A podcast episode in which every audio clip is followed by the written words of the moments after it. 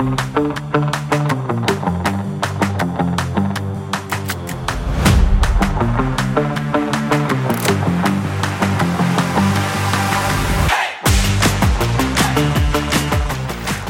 allihopa och mycket varmt välkomna ska ni vara till direktionen. Idag har jag med mig en spännande gäst som är VD för ett företag som jag har beundrat länge och även funderat kring hur fasen de klarar av att vara så innovativa och framförallt hur de lyckas rent operativt att sjösätta alla sina nya tjänster och erbjudanden. När vi andra dödliga behöver minst ett år på oss att starta igång ett nytt affärsområde så lyckas det här företaget att lansera nya tjänster varannan månad känns det som. Välkommen till direktionen säger jag till Hans Skrufors, VD på Fodora. Tack Ann-Sofie, vilken, eh, vilken fantastisk introduktion också här. ja, men det var sanningens ord ska jag säga. Jag är väldigt intresserad av eh, ert bolag, så det är väldigt härligt att ha det här. Eh, så vi får höra lite mer om, om hur ni jobbar och så. Jag, jag tror själva bolaget i sig kanske inte behöver någon närmare presentation, men rent kortfattat kan man väl ändå säga att ni är mest populära Q-handelsplattform för hemleveranser och en del av det globala företaget Delivery Hero. Och de flesta av våra lyssnare tror jag, de känner nog igen er som räddaren i nöden när man inte hinner eller orkar laga mat eller ligger hemma och är lite bakis kanske. Då är det ju så jäkla lätt och smidigt att gå in och beställa en pizza eller något annat gott via Fodora. Men jag vet att ni gör ju så himla mycket mer också. Kan, berätta Hans, vad är det ni gör för någonting? Ja, nej men eh, vi är väl allt det där du beskrev någonstans. Eh, och räddar i nöden. Uh, men, för mig så är vi verkligen det här uh, ett last mile delivery-företag för att använda ett engelskt uttryck. Uh, vi är superduktiga på att ta någonting från plats A till plats B inom liksom fem kilometers radie på 30 minuter. Eh, och vi är säkert mest kända för att kanske leverera den där bakfyllepizzan på söndag morgonen eller söndag lunchen. Eh, Inga namn och... nämnda här nu eller så. nej men exakt, exakt. Eh, men, men, det var ju verkligen så en gång i tiden det började och det var, fanns ju ett stort behov. Ehm, men, men sen har ju hela vår tjänst utvecklats. Så jag menar, vad, vad är svårare än att leverera en pizza egentligen? Ehm, ja. För att om, om du inte kommer fram i, i tid, eh, så, eller på de här 30 minuterna, så blir det dålig stämning. Eh, den är Just kall och smakar inte lika bra och det, är, det kanske ligger upp och ner. Eh, men det är någonstans då, men varför inte leverera blommor eller böcker eller strumpor? Det är ju faktiskt lättare någonstans. Så att, eh, Just det. det är det vi menar med Q-handel, att eh, vi kan leverera allting på 30 minuter. Just det. Och ni har väl även kommit in på lite andra områden också, som var det inte att man skulle kunna beställa hem läkare och såna här saker också? Jo, Eller? vi har börjat med något vi kallar Foodora Service, eh, som är ju eh, det är egentligen för att ge alla våra kunder en, eh, ja, en snabb upplevelse till allting i livet, om det är blommor eller pizza, hamburgare, men eller kanske då få kontakt med en läkare eller få kontakt med någon som eh, ska tvätta ens bil eh, och så vidare. Så att vi, vi erbjuder inte läkare hem till dig på 30 minuter, men vi erbjuder i alla fall en, kontakt med ja, det är ju läkare. ja, det hade inte varit eh, dumt om man hade haft massa läkare snurra runt på stan och bara kasta sig iväg till patienterna. Så där. Det, det kanske är lite önsketänkande. Kanske. Ja, man, ja, man vet ju aldrig. Det hade varit eh, fantastiskt egentligen. Men eh, där är vi inte riktigt än i alla fall. Nej, men spännande idéer i alla fall. Eh, vad är det mer för några tjänster som ni har via Foodora Service? Ja, men det är kemtvätt, läkare, biltvätt. Uh, ja, vad är det mera? Det, det, är nog de tre som dominerar i alla fall, ska jag säga. Ja, det måste vara svårt att hålla ordning på alla saker som ni faktiskt gör. För att jag, jag, jag har tänkt på det att ni, ni växer så enormt snabbt och är banbrytande inom så många områden. Hur, jag tänker så här, hur bygger man upp en sån kreativ kultur? Men, men framför allt, hur klarar man av att rent operativt sjösätta så många idéer så snabbt som ni faktiskt gör? Ja, men det, är, det är bra fråga. Egentligen två frågor i en då, kanske. Men ehm, eh, att bygga upp kulturen, så det är klart att vi, vi fick lite hjälp kan man ju säga av eh, pandemins utbrott. Mm. Eh, och och då, då samlade jag hela alltså ledningsgruppen, hela företaget och pratade egentligen om det paradigmskiftet som, som höll på att ske. För att jag fast övertygelse om att vi människor är vanedjur och förändring sker långsamt. Uh, och det fin finns få tillfällen i livet eller över åren då man kan verkligen göra stor skillnad. Mm. Och covid och, och, hela den pandemin var ett sådant tillfälle. Och då trycka ut kulturen att det här är once in a lifetime. Det är nu vi kan gå från det här lilla pizzabolaget eh, till ett bolag som levererar allting överallt eh, till alla på 30 minuter eh, och skapa den visionen att det är dit vi ska och, och det är nu vi ska göra det. Och det, det var fantastiskt hur hela företaget utifrån den målbilden och utifrån då de yttre förutsättningarna eh, slöt samman och bara kände att det är it's, it's now or never. Då. Um, mm. och, så så det, det har ju varit fantastiskt och då då har vi också drivit väldigt mycket på och att, eh, med tesen att det är mycket viktigare att ta snabba beslut än att ta rätt beslut. Ja, just det. Eh. Mm.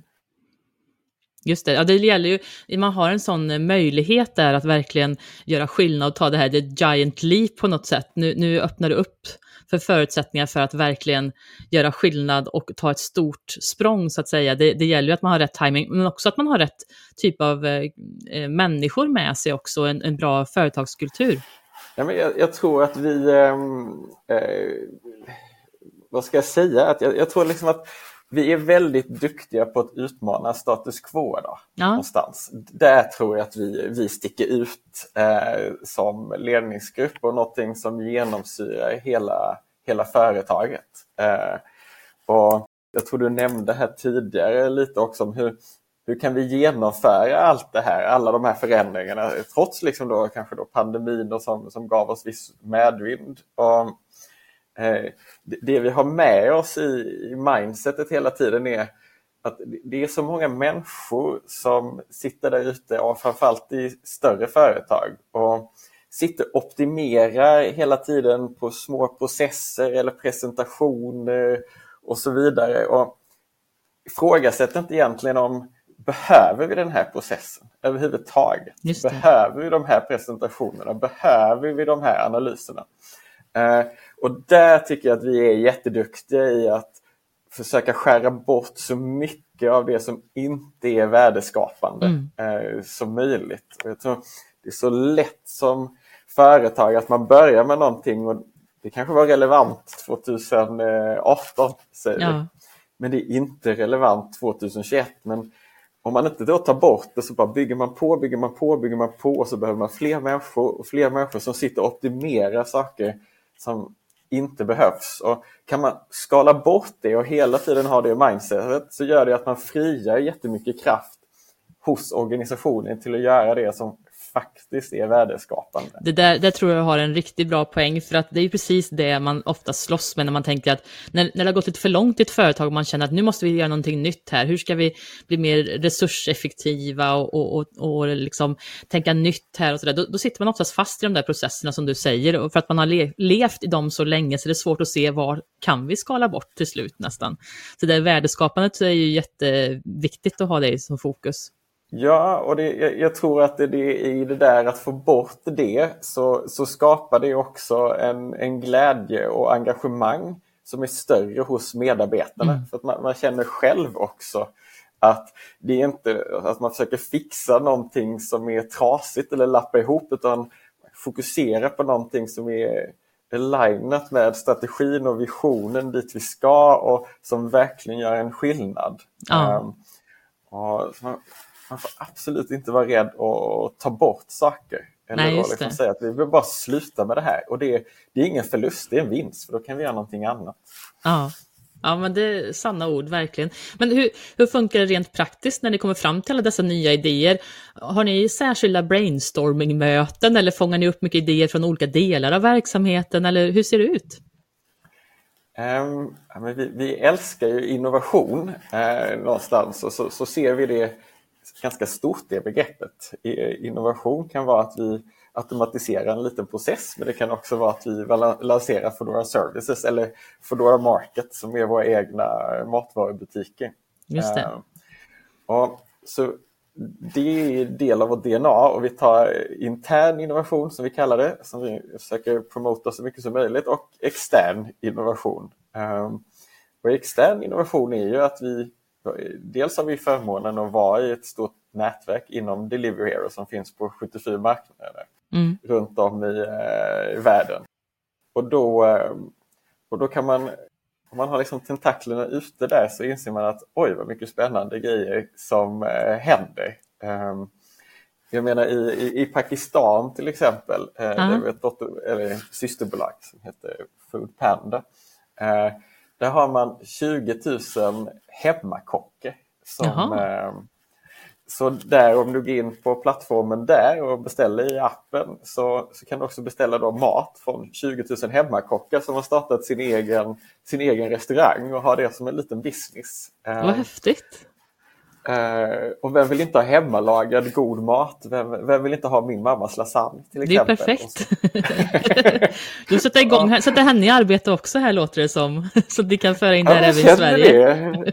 Lite, lite, ja, men så vi har faktiskt startat med det också. Lite, lite, lite under radarn möjligen. Men vi, mm. um, det, det är lite, lite mer med Livsmedelsverket och sånt här som måste vara ja, på plats kanske men, men det är ganska häftigt hur man kan få in idéer på det viset.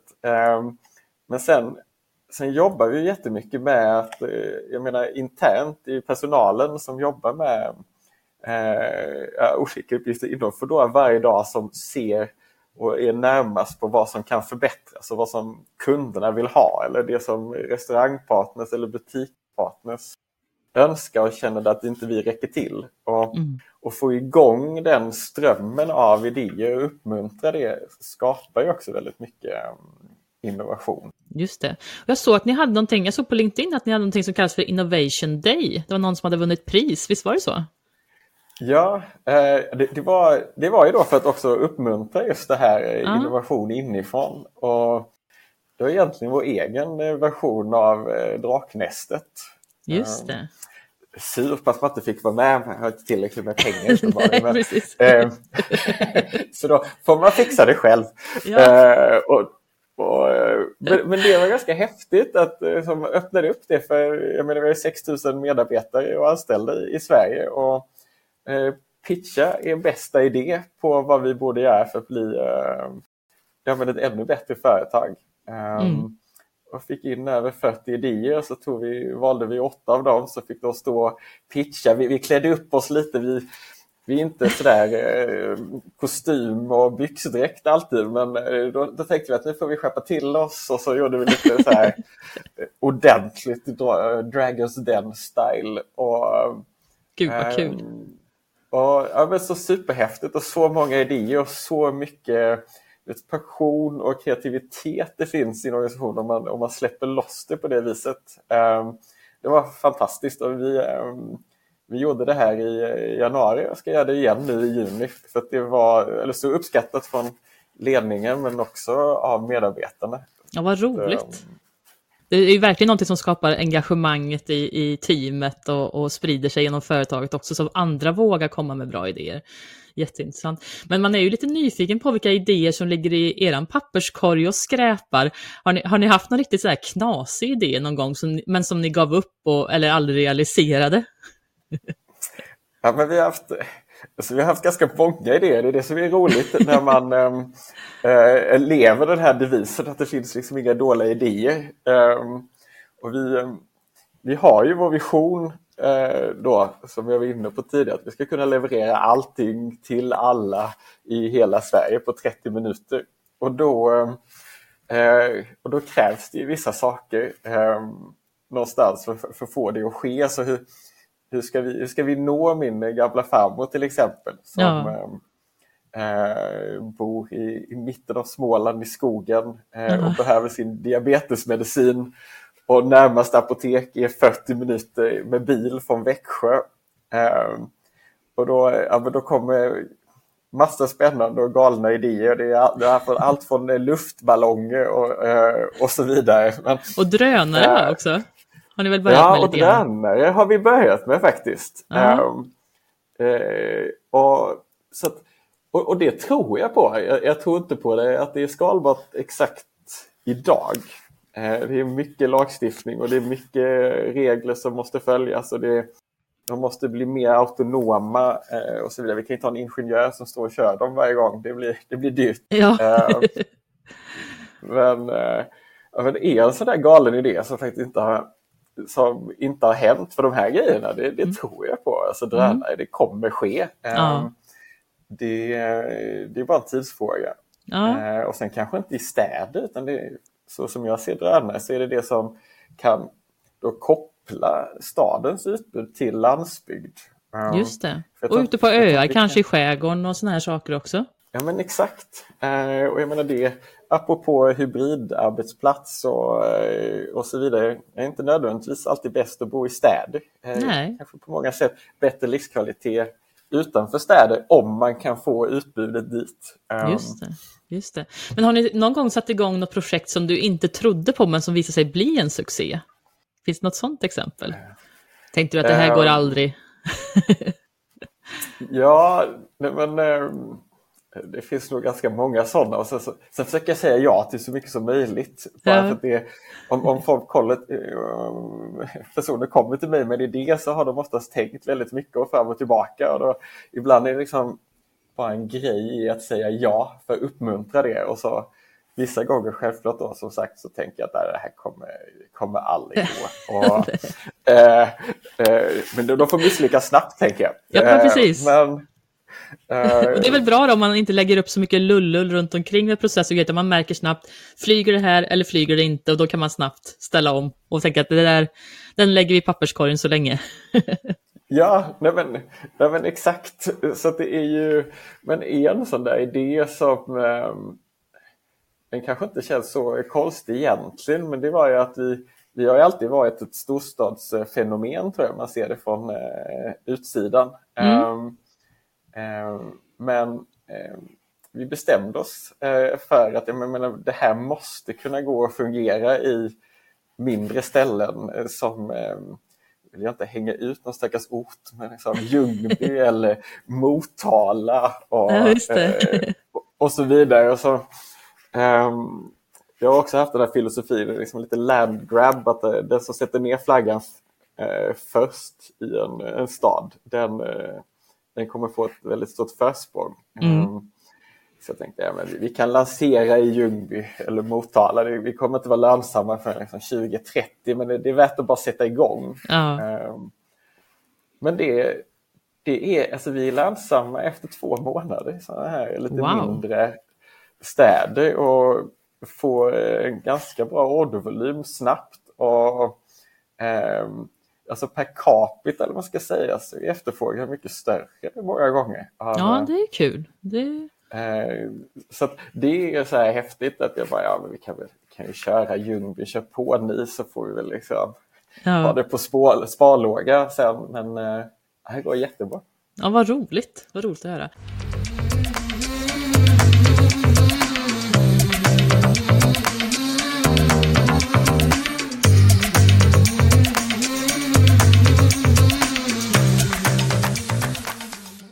Jag tänkte också på en annan sak. När man, när man växer snabbt och, och man an, ni anställer mycket personal och så här, så kan det ibland bli svårt att säkra upp alla processer och onboarding, eh, rutiner. Det vet jag själv hur det är när man har stora personalgrupper och sådär. Och vi har ju sett att ni har varit i duster med facket och så vidare. Hur, hur ser du på de här utmaningarna som, som ofta är vanliga när man växer snabbt? Jo, nej, men eh, det är klart att det finns lite, lite utmaningar. Jag tror att vi eh, under en månad där eh, under covid när vi skulle växla upp som eh, snabbast anställde vi tusen personer då, på en Åh, månad.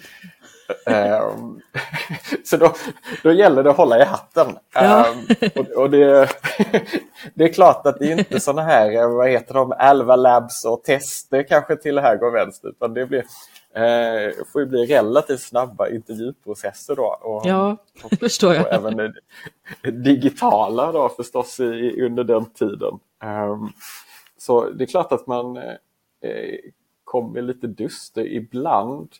Samtidigt ska jag säga, jag har varit på andra ställen också, så skillnaden här är på Foodora är att vi har blivit så väldigt mediala någonstans. Eh, pressen älskar eh, att skriva om oss. Eh, jag tror det var till och med SvD Näringsliv som skrev att nu, nu ska vi sluta skriva om ABB och Stora Enso. Så här, vi ska bara skriva om Foodora och Spotify. Jaha. Eh, det, så länge du skriver snälla saker så, så är det väl bra. ja men exakt, det är väl lite både och kanske. Då. Ja, men, precis.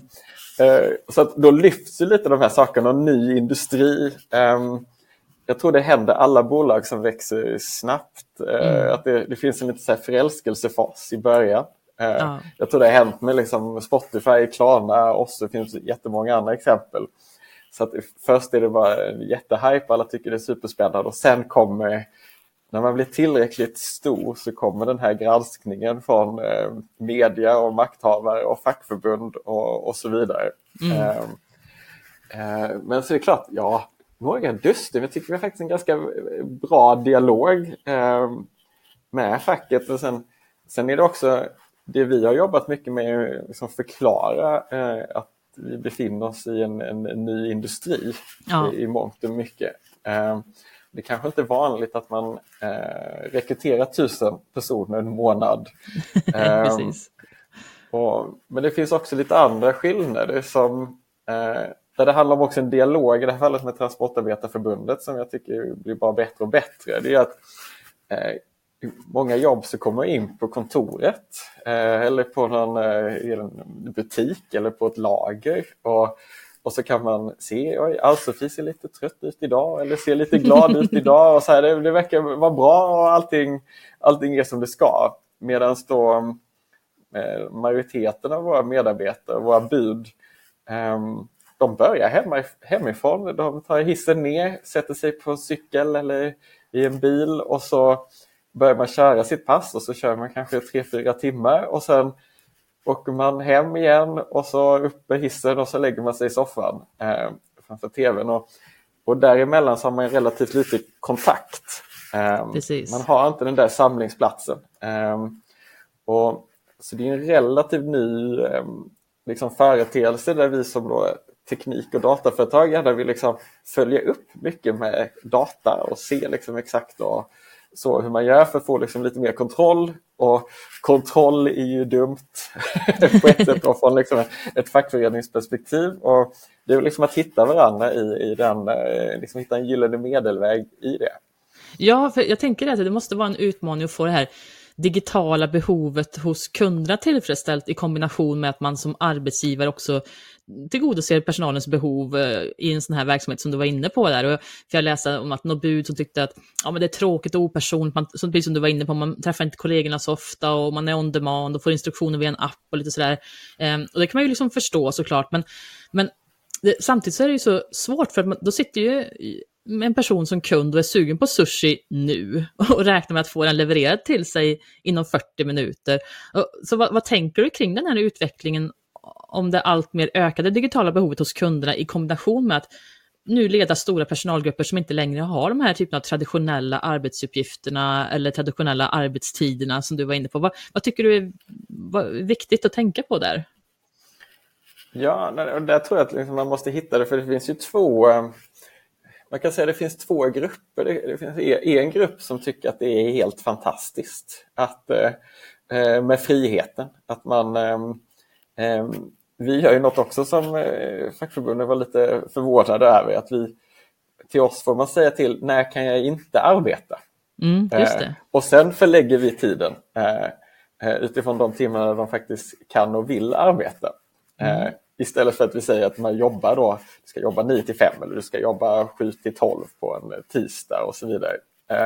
Så nästan lite omvänd modell om man tänker sig i hamnen i Göteborg en gång i tiden så gick man och du, du och du ska jobba idag och vi, vi gör snart ja. tvärtom. Vi kan, vi kan jobba de här timmarna och så, så tar vi och, och, och, och det finns ju en jättestor grupp som älskar den friheten. Det. Att man, kan, man kanske kan studera samtidigt eller att man kan, man kan försöka bli musiker samtidigt och då liksom, eller, eller vad det nu är. Och sen så kan man då förlägga och få en inkomst de timmarna man inte DJ eller, eller vad det nu är. Ja, det är, ju, det är fantastiskt um, att kunna sätta lite förutsättningar för när man vill jobba faktiskt. Det är ju eh, få arbetsplatser man kan göra det faktiskt. Så det är intressant. Ja, så, att, eh, så att jag tycker den, den friheten, eh, den kanske också är lite ovanlig på svensk arbetsmarknad, men den, mm. den är värd väldigt mycket för många av våra, våra bud. Eh, och sen finns det ju den gruppen, jag ska ändå säga faktiskt, den är minoritet, men som ändå känner just det här att man, det är lite ensamt och man, eh, mm. man har väldigt mycket kontakt, även om man har ett samtal i veckan med sin rider captain och, och så, så, så kanske man inte får det där det är alltid fika med wienerkrans klockan tre. Nej, just det. Eh, och, då, och vi har ju faktiskt kontor, eller rider hubs som det heter, i, i alla städer som vi finns. Så det, det, finns samlingsplatser. Så vi, okay. vi försöker mm. också med liksom allt då från kök och matsal till liksom duschar och tvättmaskiner och, och sådär. Då. Och, så att det finns den möjligheten om man, eh, om man, eh, om man så önskar. Sen Sen betalar inte vi för att man ska då Nej, komma dit. Klart. Så det är väl, det är väl liksom skillnaden då. Jag förstår.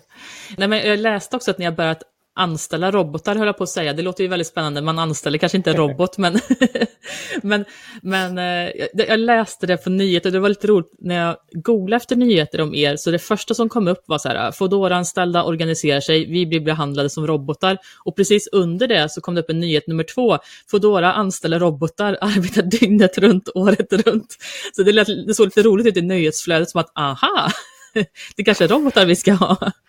Men jag tyckte, vad, vad, hur har det funkat med robotar? Jag har ju sett den här lilla Dora som har gått runt vid Stureplan och sådär. Den är ju jättegullig den här lilla roboten. Hur har det funkat? Ja, nej men alltså det funkar ju faktiskt eh, väldigt bra ska jag säga. Um, och det är ju det är fantastiskt, hon är Dora, så vi, vi kallar henne nu, hon är Dora 2.0, vi har en liten annan modell nu faktiskt. Jaha, ja. Men, ute och rullar i Stockholm nu live alltså. Mm. Uh, jag har blivit TikTok-kändis i veckan här också. Uh, Jaha. väck, väcker lite liksom, det, folk är fortfarande tycker att det är ganska spännande. Den här rob självkörande roboten susar förbi. Uh, och, um, jag står ju precis, mitt kontor här är bredvid, rummet bredvid är kontrollcentret då för Dora, så du kan tänka dig som en flygledarcentral. Som Vad eh, häftigt. sitter och dirigerar, alltså övervakar så inte hon eh, gör något dumt eller kör på någon och sådär. Nej, precis. vad roligt. Men vad tycker, vad tycker kunderna om henne? Tycker de, tycker de det är lite roligt? Den är ju fruktansvärt söt när den kommer, så man blir ju glad när man ser den på stan, tycker jag. Ja, nej, men det väcker ju... Folk tycker det är söt och tycker det vi hör nästan bara positiva saker om, eh, om då. Och, um, vi kommer längre och längre, så jag menar det här handlar ju också om vi, um, det, ja, kommer vi ha 200 robotar i år eh, ute på gatorna? Nej, det kommer vi inte ha. Men kommer vi ha det nästa eller nästnästa år? Det tror jag. Mm. Eh, och det, det är liksom det här som handlar också om att vi, man måste vara först och liksom, eh, utmana för att det är, Eh, det är också något helt nytt. Och, och då måste eh, olika trafikregler eh, och Trafiksäkerhetsverket och Transportstyrelsen och det är ehm, eh, måste blandas in och det, det, tar alltid lite tid med myndigheter och det det juridiska. Vad händer om eh, det krockar eller inte krockar med någon? Eh, men vi har också samarbete med Tele2 och Ericsson att sätta upp sensorer då runt om i, mm vi har gjort i Kista mm. och hoppas nu kunna göra det i, i Stockholm också. I att då finns det sensorer som då kan liksom känna av så att de om, eh, om Dora kör på en trottoar och så kommer det en bil jättesnabbt från ja. en, eh, en tvärgata eller en cyklist. Då, då kan inte den se det nu, eller Nej, Dora kan inte se det nu. Men om den då kan känna av det via de här sensorerna som man kan sätta upp i gatumiljö eh, från Ericsson och Tele2, då, då vet man att nu kommer en cyklist i jättehög hastighet och kan liksom bromsa i, i tid. Häftigt. Um, så det, det, är faktiskt, jag, jag kan prata för länge om det här kanske. Du vill det... helst sitta i det här kontrollrummet låter det som och bara styra Foodora runt, eller Dora runt i, stan låter det som. Ja, jag är lite avundsjuk att jag tycker att det verkar, verkar vara ett bra jobb faktiskt. det, men, det, men det är så häftigt. Ehm, jag är väl lite nördig när det gäller sånt här. Men i Sydkorea, där vi också har ett systerbolag, då, ehm, eh, då, där har robotarna kommit ännu längre, så där är de integrerade med trafikljusen till exempel. Jaha. Så att den vet när det är grön eller röd gubbe och kan liksom stanna automatiskt. Den är också integrerad med hissar. Oj. Så att när, när den rullar in i byggnader så, så kan liksom roboten då utan att behöva trycka på en knapp som då pratar, eller man ska säga, med hissen och så komma upp till 17 våningen. Jaha. Uh, och, så det är liksom, ah, det är superspännande. Det, ah. alltså, jag är helt övertygad om att det här um, kommer komma och sen så ska det liksom tekniken ska jag säga är 90-95 procent där och sen så är det allt det andra med regler och det här finstilta i kontrakt som också måste till. Ja, det är klart. Ja, men vad häftigt. Då har vi mycket spännande att se fram emot där egentligen. Men jag tänkte på det där, det, det, tekniken kräver ju som du sa, mycket eh, tillstånd och det, det, ska samarbetas med myndigheter kanske. Och, och, som sagt, när det har varit lite eh, lite motstånd. När, är man en uppstickare på marknaden och gör mycket nya saker så blir det också lite motstånd här och var och eh, till viss del också med fackliga eh, diskussioner och sånt där. Hur, hur, hur liksom hanterar du som ledare ditt team, din ledningsgrupp och, och, och de andra cheferna på plats för att när, när, företagskulturen eller när det blir lite problem och missnöje eller lite kriser, så här, vad, vad, vad tycker du är viktigt då eh, att agera på som ledare? Um, nej men jag tror att det är, handlar om att, uh, hålla lugnet och, och tryggheten i att vi gör uh, rätt saker. Mm. Och, så, um, och, och, så länge som jag känner och så länge liksom, alla i företaget kan också, också känna den känslan av att vi jag menar, vi, vi var först ut i Sverige med kollektivavtal i, i vår bransch. Vi, um, uh, vi, är, ja, vi testar jättemånga saker. Det var, det var någon kvinna här som var jättearg för att vi höll på med det här med läkare, att man skulle få kontakt med läkare på 30, 30 minuter. Och, eh, ja, men folk överlag tycker att förändring är, är jobbigt. Eh, mm. och då, någonstans måste man hitta en trygghet i att vi, men vi driver den här förändringen. Eh, och då, då, kommer det vara folk som tycker att det är jobbigt. Eh, men så länge vi känner att förändringen är bra och att vi gör det på rätt sätt, eh, då ska vi bli stolta. Och mm. Skulle ingen tycka att vi gör någonting konstigt, eh, då, då har vi blivit för tråkiga. Ja. Vi, vi, vi, vi måste utmana. Ja, det är klart. Det är klart. Men det, det märks ju också att, att eh, eh jag tänker så här, jag har ju faktiskt samarbetat med er i något tillfälle i ett av mina uppdrag som jag hade som managementkonsult på ett företag, så, så eh, gick ingick i samarbete med er eh, för den eh, kedjan då. Och eh, jag måste säga att det var alla som jag hade kontakt med var fantastiska från Fodora. Det var väldigt så här, positivt. Eh, var det någonting som kanske släpade lite grann så var det i så fall från vår sida för att vi inte riktigt var förberedda på vad som skulle göras och sådär. Men jag måste säga att det, var alltid varit, det verkar vara en väldigt tydlig kultur av som du säger, det här framåtandan, positivitet, nu gör vi det här, vi löser saker tillsammans. Eh, en väldig närvaro på något sätt. Eh, så det märks att man att, man, eh, att ni jobbar nära kunden med relationerna också, för att det var all, aldrig några problem att få tag på någon, eller det var alltid så här uppföljning och, och, och så att, som säkerställde att processen gick som den skulle och sådär. Så det, det måste jag verkligen säga var väldigt positivt när vi jobbar med. Men jag tänkte så här, många pratar ju om kompetensbrist och att det är svårt att få tag i bra folk och sådär. Har, har ni haft några utmaningar med det? Ni har ju väldigt mycket olika typer av roller också hos er.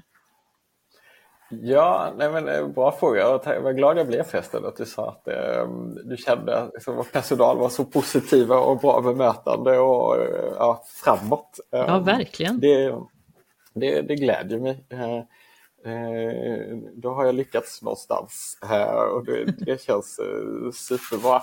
Ehm, nej men, men jag tror att vi ehm, det är klart, det är alltid lite klurigt att rekrytera. Och jag, ska verkligen inte säga, vi har växt supersnabbt. Jag menar, när jag började 2019 tror jag vi var 60-70 personer på kontoret kanske och nu är vi över 500 oh, på kontoret wow. här i Stockholm. Så att bara på tre år så har vi, eh, och, och, och jag ska inte säga liksom att vi, det är väl klart att vi har rekryterat fel så att säga, ehm, men ehm, vi, vi, vi blir bättre och bättre och det som jag tycker att vi, vi är duktiga på är att um, vi går väldigt mycket på uh, attityd. Mm. Um, någonstans. Alltså det, något förenklat självklart, men eh, att det, det är så väsentligt. Mycket mm. annat kan man träna, men har, har man rätt attityd, eh, drivkraft, vill framåt, positiv, se möjligheterna, då mycket av det andra kan man eh, eh, vad ska man säga? Det löser man längs Säg, vägen, det andra. Ja, lite av den. Så länge man har kompetenta människor ombord så, så, kommer, så kommer det lösa sig någonstans. Mm. Jag tror eh, där vill det bli bättre och bättre. Och så, samtidigt så tror jag och hoppas eh, att vi är väldigt tydliga i intervjuprocessen också med eh, vad som förväntas. Mm. Eh, att det är ett ganska högt tempo, att det är Eh, att man, man måste ifrågasätta sanningar och, man, eh, och eh, det, det, är må, det är många som gärna kommer och säger att man, man vill bli mer entreprenöriell och man vill ta mer risker och man vill ta, eh, springa snabbt eh, och man, eh, man vill inte ha så mycket processer. Eh, och så kommer man hit och så blir det ändå en chock. Ja. Eh, och, och, hitta de här människorna som säger att de kanske jag vill jobba lite mindre processstyrt eller lite mer entreprenöriellt och lite mer så. Och sen, eh, många som säger det tror kanske det, men eh, är kanske egentligen sådana människor som de måste bara komma underfund med att de faktiskt gillar att jobba processstyrt. Ja, Ja, men det, det, det, är ju lätt det där och det är, det är jättesvårt att rekrytera personal oavsett vilken verksamhet det är. Men som du säger, när, det är någon som också, när man också är um, Eh, en ny inom en viss bransch, eller ett nytt, ett nytt, koncept om man säger så, en ny typ av arbetsplats också, så är det ju ännu mer viktigt. Och jag, jag, tror också som du säger, det är väldigt många som, det märker vi själv, jag har jobbat och rekryterat folk inom handeln till exempel. Du anar inte vad mycket människor det finns där ute som vill hjälpa kunderna med den mest ultimata garderoben eller den mest, mest ultimata makeupen till festen eller sånt där. Men sen när man väl står där så kanske inte det är det som man har som passion i alla fall när det väl kommer till kritan. Det kan ju vara lite svårt det där ibland. så att jag kan förstå att det finns lite utmaningar där också. Men jag tänkte på, eh, ni ökar ju hela eh, er omsättning under 2021 med hela 460 procent.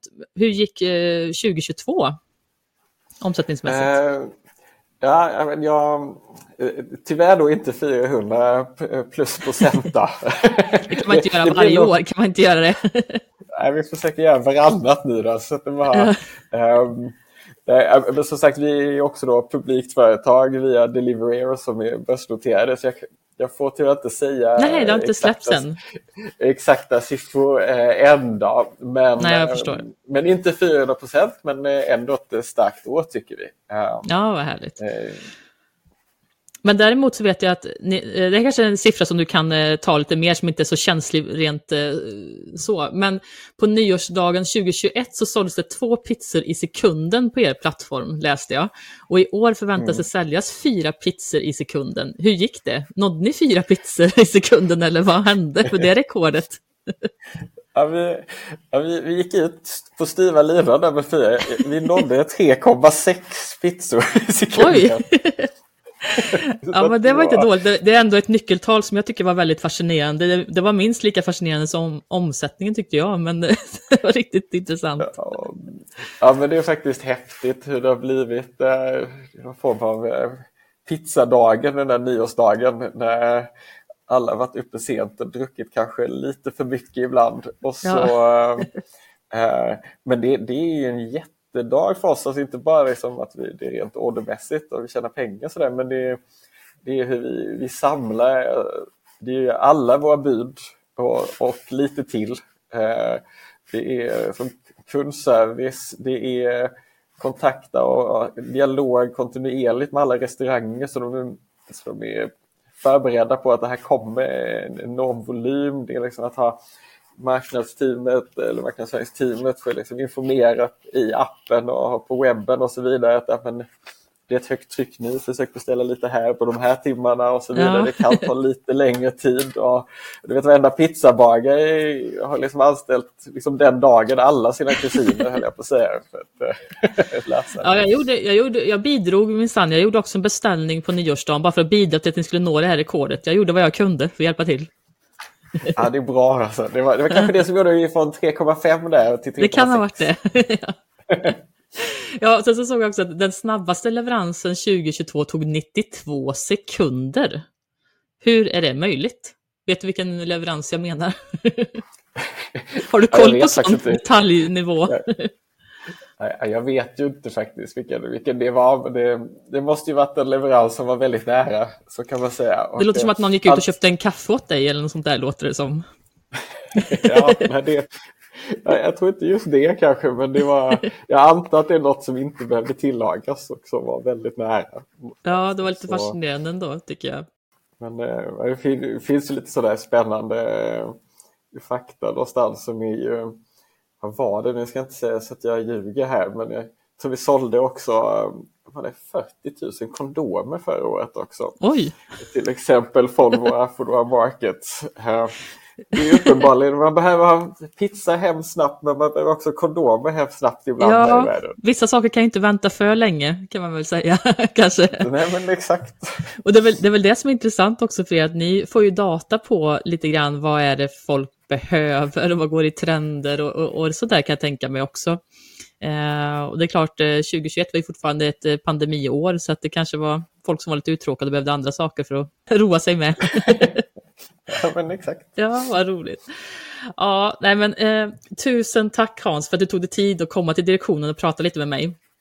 Och för att du delar med dig så mycket roliga historier. Och, och, alltså jag har varit nyfiken på er länge, just, just ert arbetssätt, hur ni är så snabba med att sätta eh, igång era nya projekt och testa, våga testa nya idéer och, och, nya tjänster och sånt här. Jag tycker det är fantastiskt roligt och det, jag förstår att det måste vara lite utmanande också, att det, det, det väcker lite frågor och funderingar runt om i samhället och sådär också, men det är ju det som är eh, det spännande med att vara en sån utmanande aktör på marknaden också såklart. Så att, eh, det var väldigt intressant att, att få höra mer om Fodora. Ja, men verkligen. Superroligt samtal. Och, ehm, ja, verkligen. Vad härligt. Ja, och tack också till alla er lyssnare som troget följer varje avsnitt av Direktionen. Och eh, stort tack också till alla er som hör av er och likar och kommenterar och skickar meddelanden till mig. Keep it up. Jag älskar sånt. Det är jättekul. Och med det här så tackar jag och Hans för oss och önskar er en fortsatt fin vecka. Ha det bra. Hej då!